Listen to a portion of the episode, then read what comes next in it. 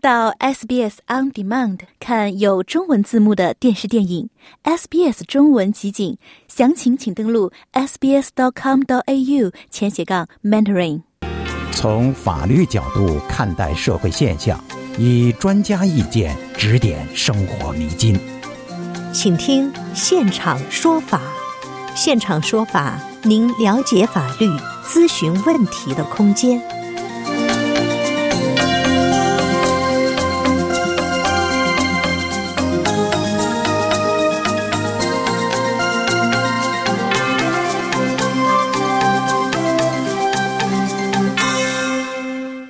众朋友好，欢迎您继续收听 SBS 普通话为您带来的现场说法听众热线节目。在本期节目中呢，我们邀请奥斯洛奥和绿业管理合伙人林慧梅律师和您聊一聊房产继承的话题。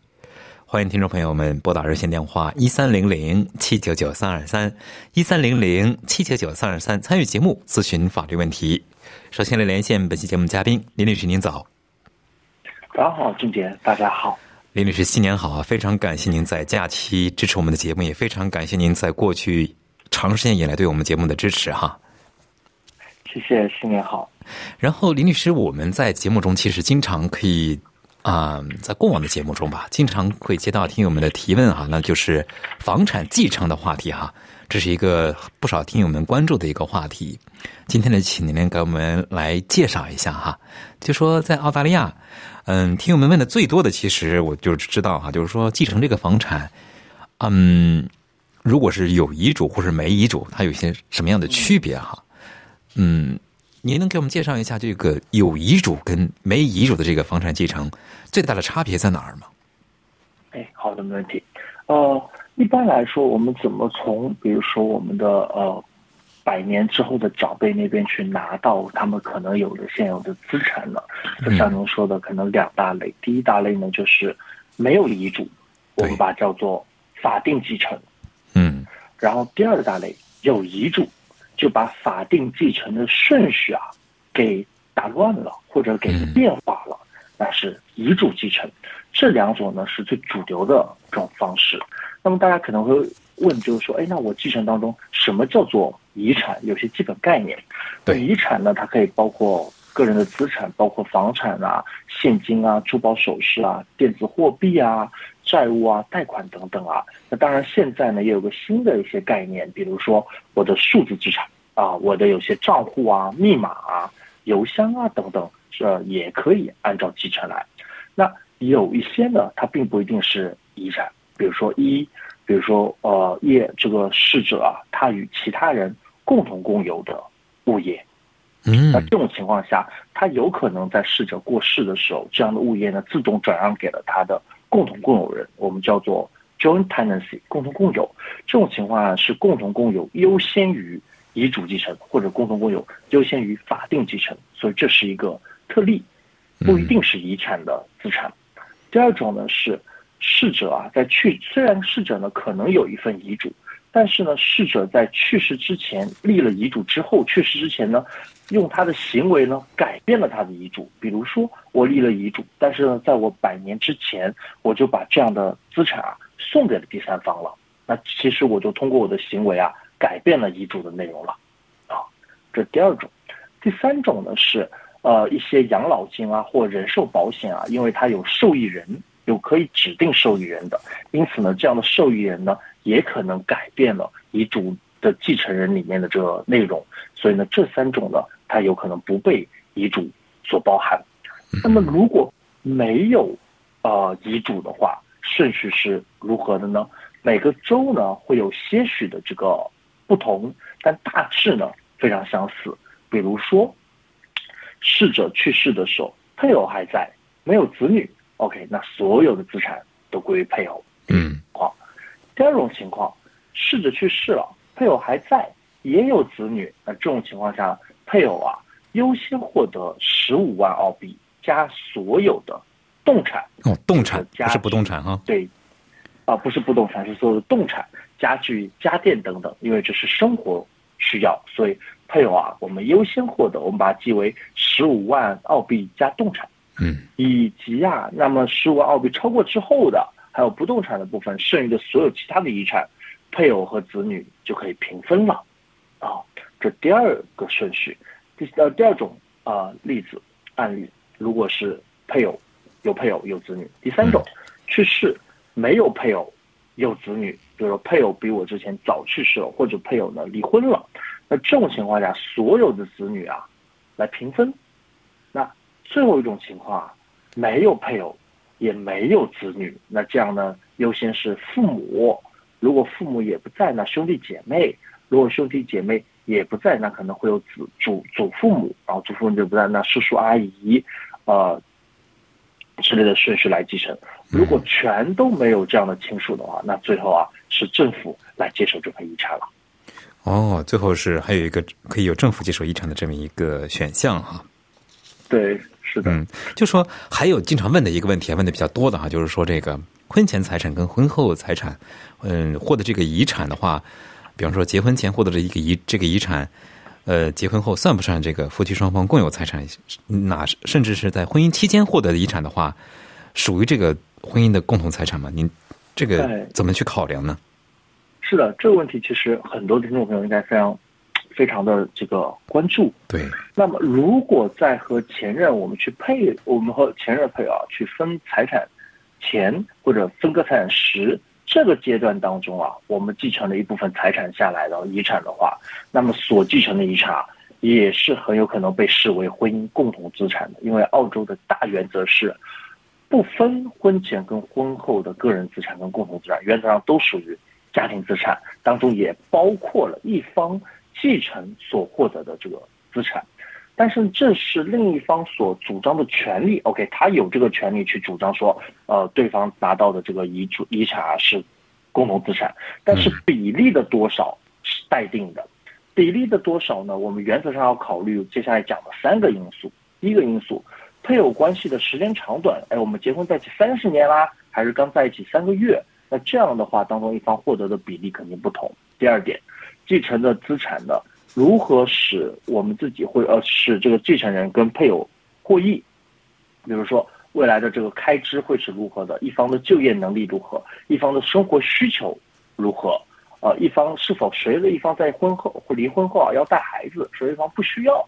啊，第三种，配偶双方在关系当中贡献，呃，谁在这个关系当中呢或做了更大的经济贡献，或者谁做了更大的非经济贡献？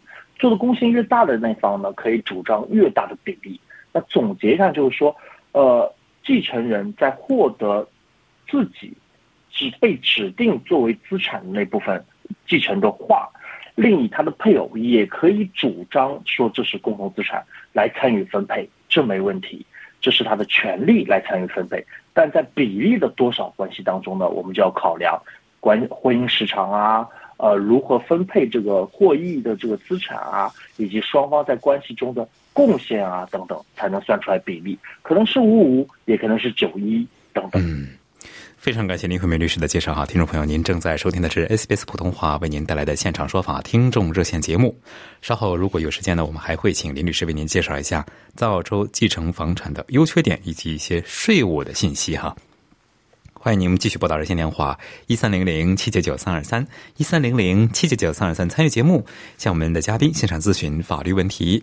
接下来我们来接听听众电话，这位是 Peter，Peter 您好。啊，你好，主持人。哎，您好。哎，你好，Peter。你好，律师。不好意思，我这个在那个上班路上有点吵。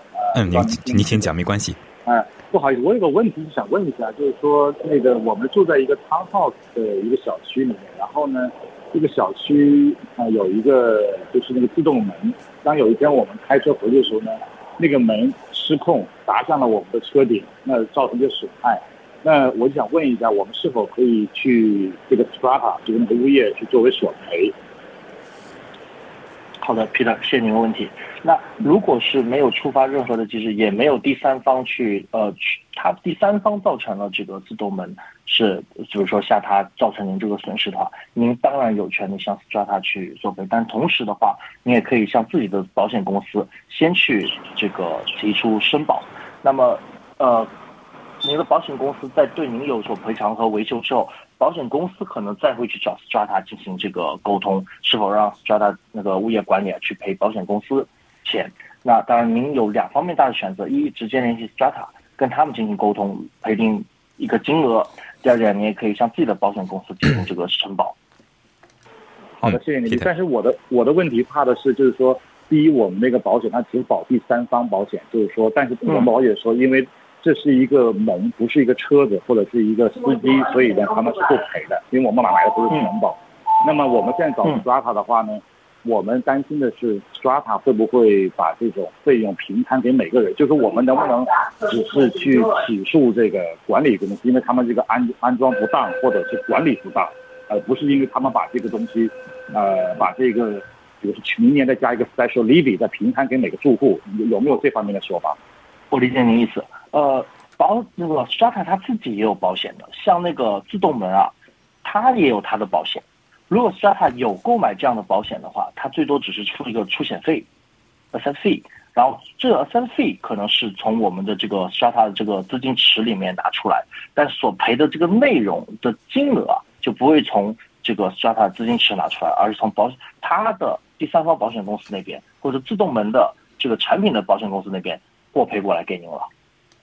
哦，那现在我们麻烦是我们跟那个呃公司那个保那个 Strata 里，他也找过他的保险公司，他保险公司听起来只是赔偿这个修理门的费用，但是这个门造成的损失，第三方他们不管，所以他们现在就给我反过来就是说，你们要找你们自己的保险公司，但是我们想起诉索赔，所以我们您您提供这三种方式，我们只能可能想办法，其中一种就是跟他硬来了，所以说我们有什么办法，就是说保证他不把它平摊给每个住户，因为这个确实不关住户的问题，而是这个物业公司管理上、设计上的问题。呃，如果是自动门突然大下来的话，那通过这个 Strata 公司，他如果获赔部分的话，他应该去找 Strata 呃那个自动门是否有产品缺陷的那个制造商。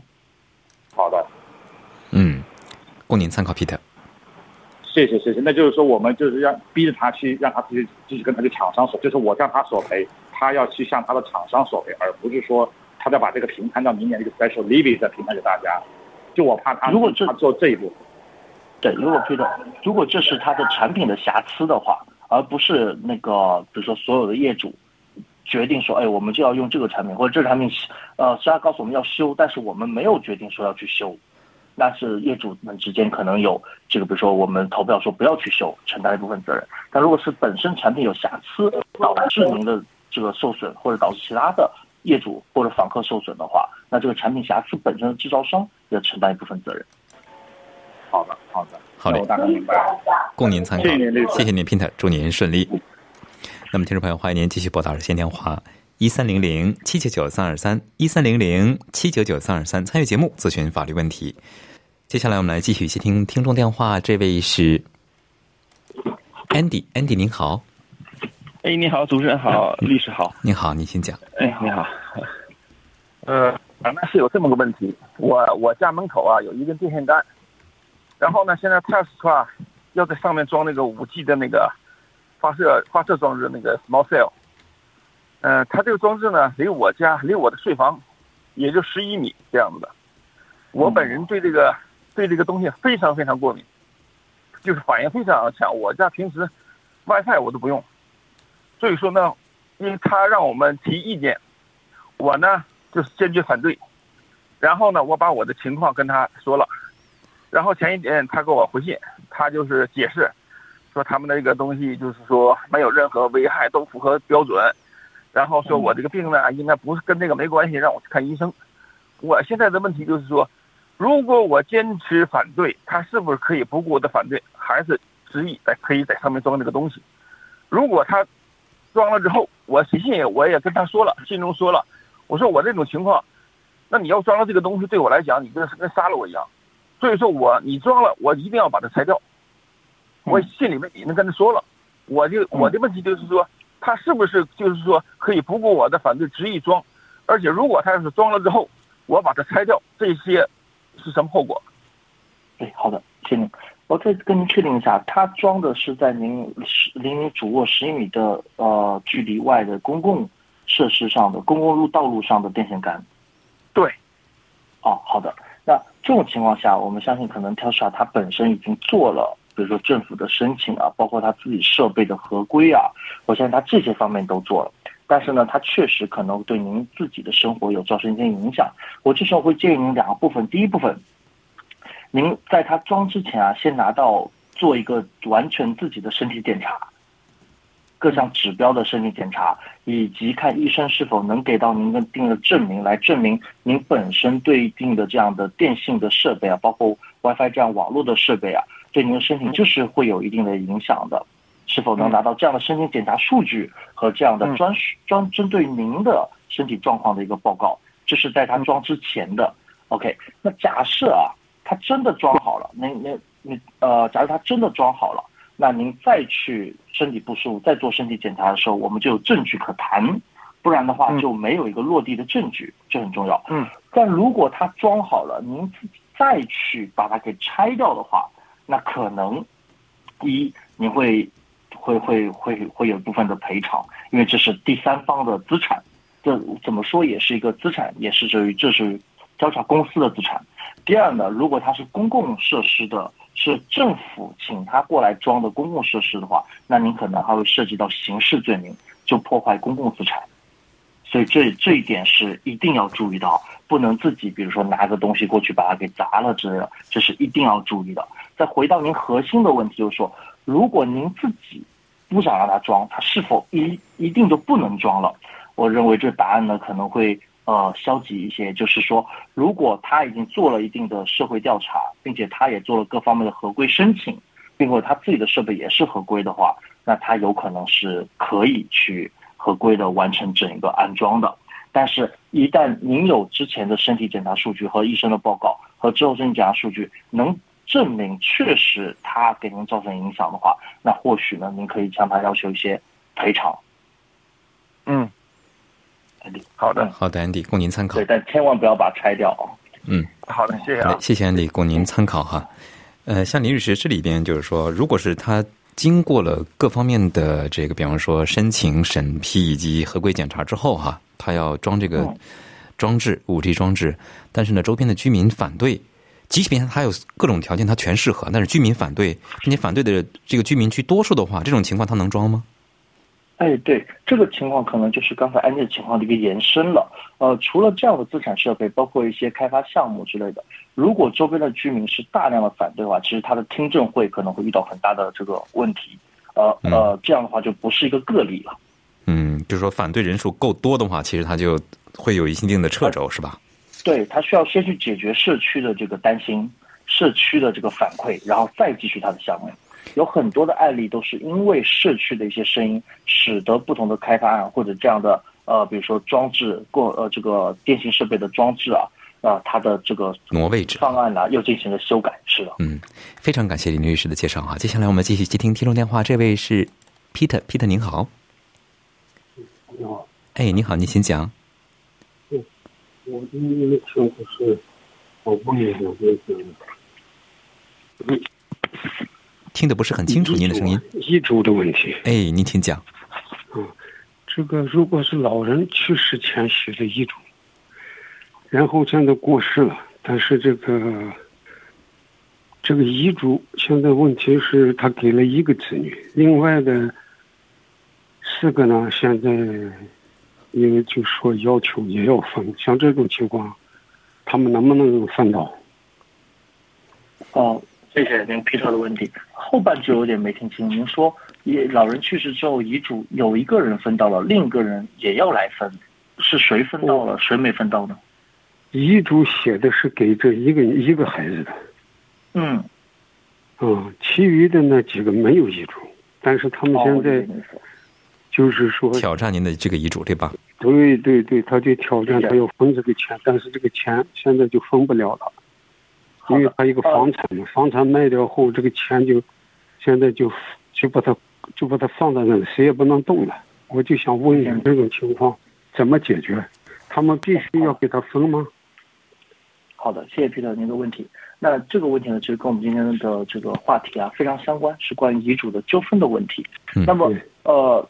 在遗嘱纠纷当中啊，自己的这个继承人的逝者的孩子多个孩子，如果他还其他孩子，或者他的配偶，或者他其他知识亲属，首先他是有权利对这样的遗嘱的真实性提出挑战的，啊，就像这个案例当中是可以进行挑战的。那这种情况下，都会通过诉讼、法庭诉讼的形式呢，把这个受继承人来所继承的这个法律依据遗嘱啊，进行一个诉讼的标的进行诉讼。那这种情况下，在诉讼没有最终的判定之前，遗嘱的本遗嘱里面去约定的这个继承人啊，是有可能无法暂时马上去动用这笔资产的，或者他要动用的话，他可能会以像您刚才提到变现的形式，把资产变成现金，现金又放在信托账户当中，等到这个官司啊有个最终的结果之后，才能去把完全的按照自己的意愿啊再去呃使用这笔。遗嘱呃的继承来的资产和资产所对应的这笔现金，但是因此给他造成的损失的，包括时间成本啊，包括经济成本啊，因都可以向这个呃胜诉之后啊，都可以向挑战方啊要求他们进行赔偿自己的律师费跟实际产生的这个损失。那么实践当中经常挑战遗嘱的一些呃点呢，也在于比如说当时的遗嘱并没有合规的去起草以及。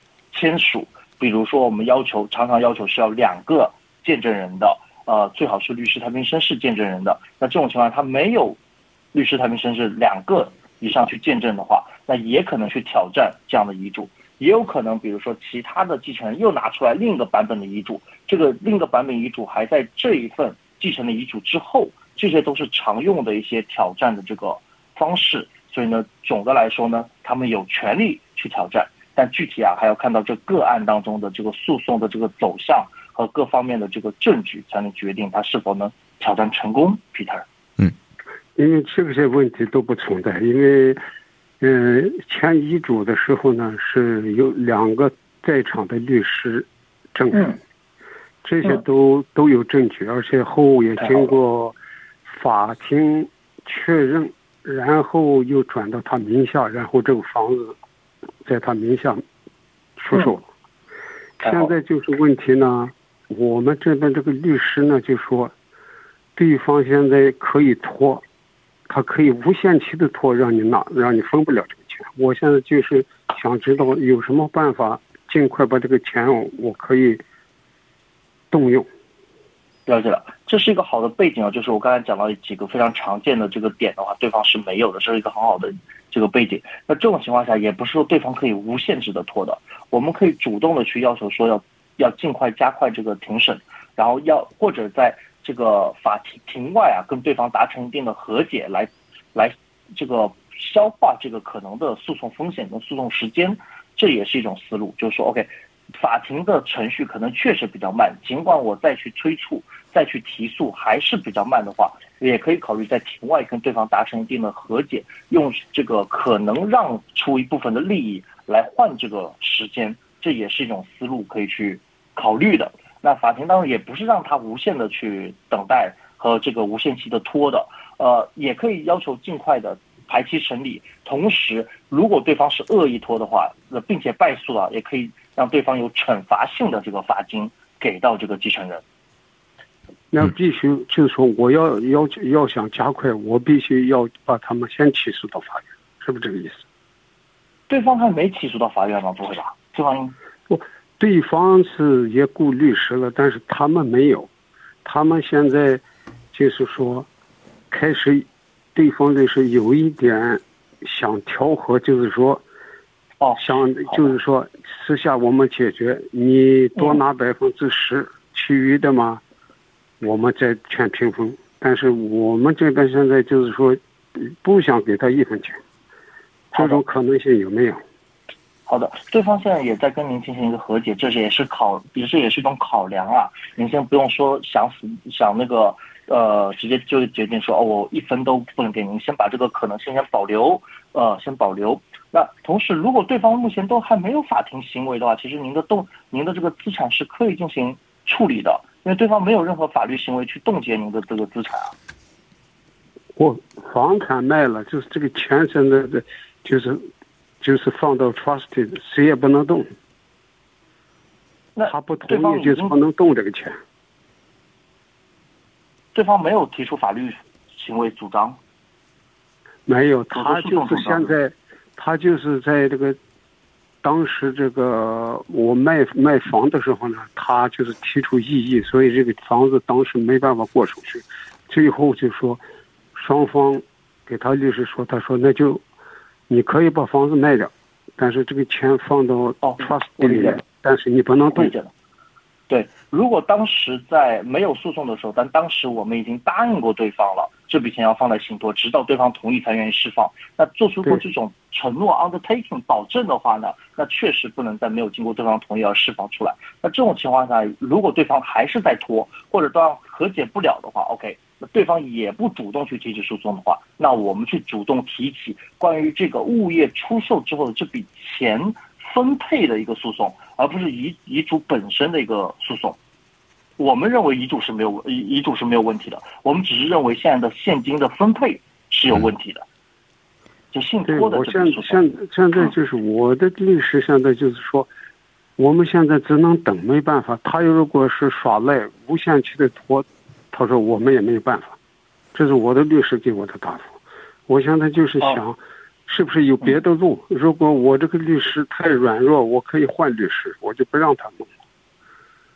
啊，我理解，在这样案件当中，确实可以多加一些主动性在里面，因为对对方来说，他不着急拿到这笔钱。就 Peter，刚才林和明律师有没有解答您的疑问，或者给您的疑问有所帮助？哦，有帮助。我算就是再让他后面这个问题再给我解释一下。嗯，林律师。就是说，您林律师，您的意思就是说，Peter 应该采取一些主动诉讼，让这个钱分配呢可以早点进行，对吧？对，您可能可能给对方加大一定的压力了。比如说，对方还是在这样拖的话，您提起诉讼，告诉对方，如果胜诉的话，我们就会去主张惩罚性的这个呃诉讼赔偿了。嗯，就是我现在想知道，据我所知，好像是我要是现在主动，那就是我起诉他，是不是？如果和解不成的话，那这笔钱还定死呃定死在信托账户的话，那诉诉讼啊是一个很好的途径去解决纠纷。嗯，Peter，据我因为我所知，好像我们我要起诉，我可以动用这个这笔资金基金，他们不可以，是不是？啊，那这要看当时双方在卖的时候的里面的这个协定了啊。协定里面可能会约定说哪些情况下可以用这笔钱，哪些在多久时间内之内一定要达成这样的和解。嗯，好嘞，好嘞，Peter，供您参考，谢谢您，好，祝您顺利。接下来是这位听众是陈女士，陈女士您久等了。哎，我在。您请讲。你好，我请问呃 律师，呃，我刚刚呃提到您的就是说有关那个房产遗产的问题，比如我们现在。父母已经做了那个遗嘱，把这个房子留给他的孩子。呃，那请问他那个呃父母过世以后，这孩子就会自然继承了吗？因为有的人说，如果没有办遗嘱的话，要很久，也是儿子继承，可是要经过一段时间比较久的审慎的那个评估。可是如果做了遗嘱，是不是很快这个孩子就可以接收到的继承这个呃遗产这个房子呢？哎，好的，先陈女士您的问题啊。无论是否有继承，或者有遗嘱和没有遗嘱啊，在继承不动产的时候，都需要可能联系律师去不动产登记中心去做这个登记的这个变更，这是一步。只说有遗嘱的话，可能会更快的去呃确认这个呃逝者的这个意愿，来避免这样的遗嘱纠纷。OK，好的。那我请教您，当这个孩子，哎，您说，您说。您说，哎哎，是的。然后，如果有多个孩子的话，那可能会看其他孩子是否有这方面的诉讼纠纷。好的，好的。那那请教您，当我是唯一的一个孩子接收了这个房子的时候，他要去继承，请问他那个房产中心是不是要先清把他这个呃逝者就是父母有没有缴税清税了，再给他？继承，因为这个父母他们本身也没什么收入，以前曾经有缴税，可是后来也没有了。那如果在这个继承的过程，这个政府要不要再去，呃，让这个孩子，比如他查出父母还需要补税，这孩子是不是要去把这个概括承受去补补过他这个逝者的税呢？是是的，像您所说的这方面，其实都可以称为债务啊，包括税。包括银行贷款，包括 City Council 的 Council Rate，甚至包括水费，如果在是逝者的名下的话，其实，在继承之前都需要把这些债务啊给去偿还掉，才能继承这笔资产。好嘞，陈女士供您参考哈。那么非常感谢林律师做客今天的现场说法。听众热线节目因个人情况因人而异，法律问题复杂，本节目仅供一般性参考，并无意提供任何个案法律建议。具体法律纠纷，请您咨询专业的律师。想在 SBS 当一回影评人吗？SBS On Demand 正在推送配有中文字幕的热门影视作品，您只需观看一部或以上影视作品，并把影评观后感发给我们，就有机会赢得一份 SBS 精美礼品。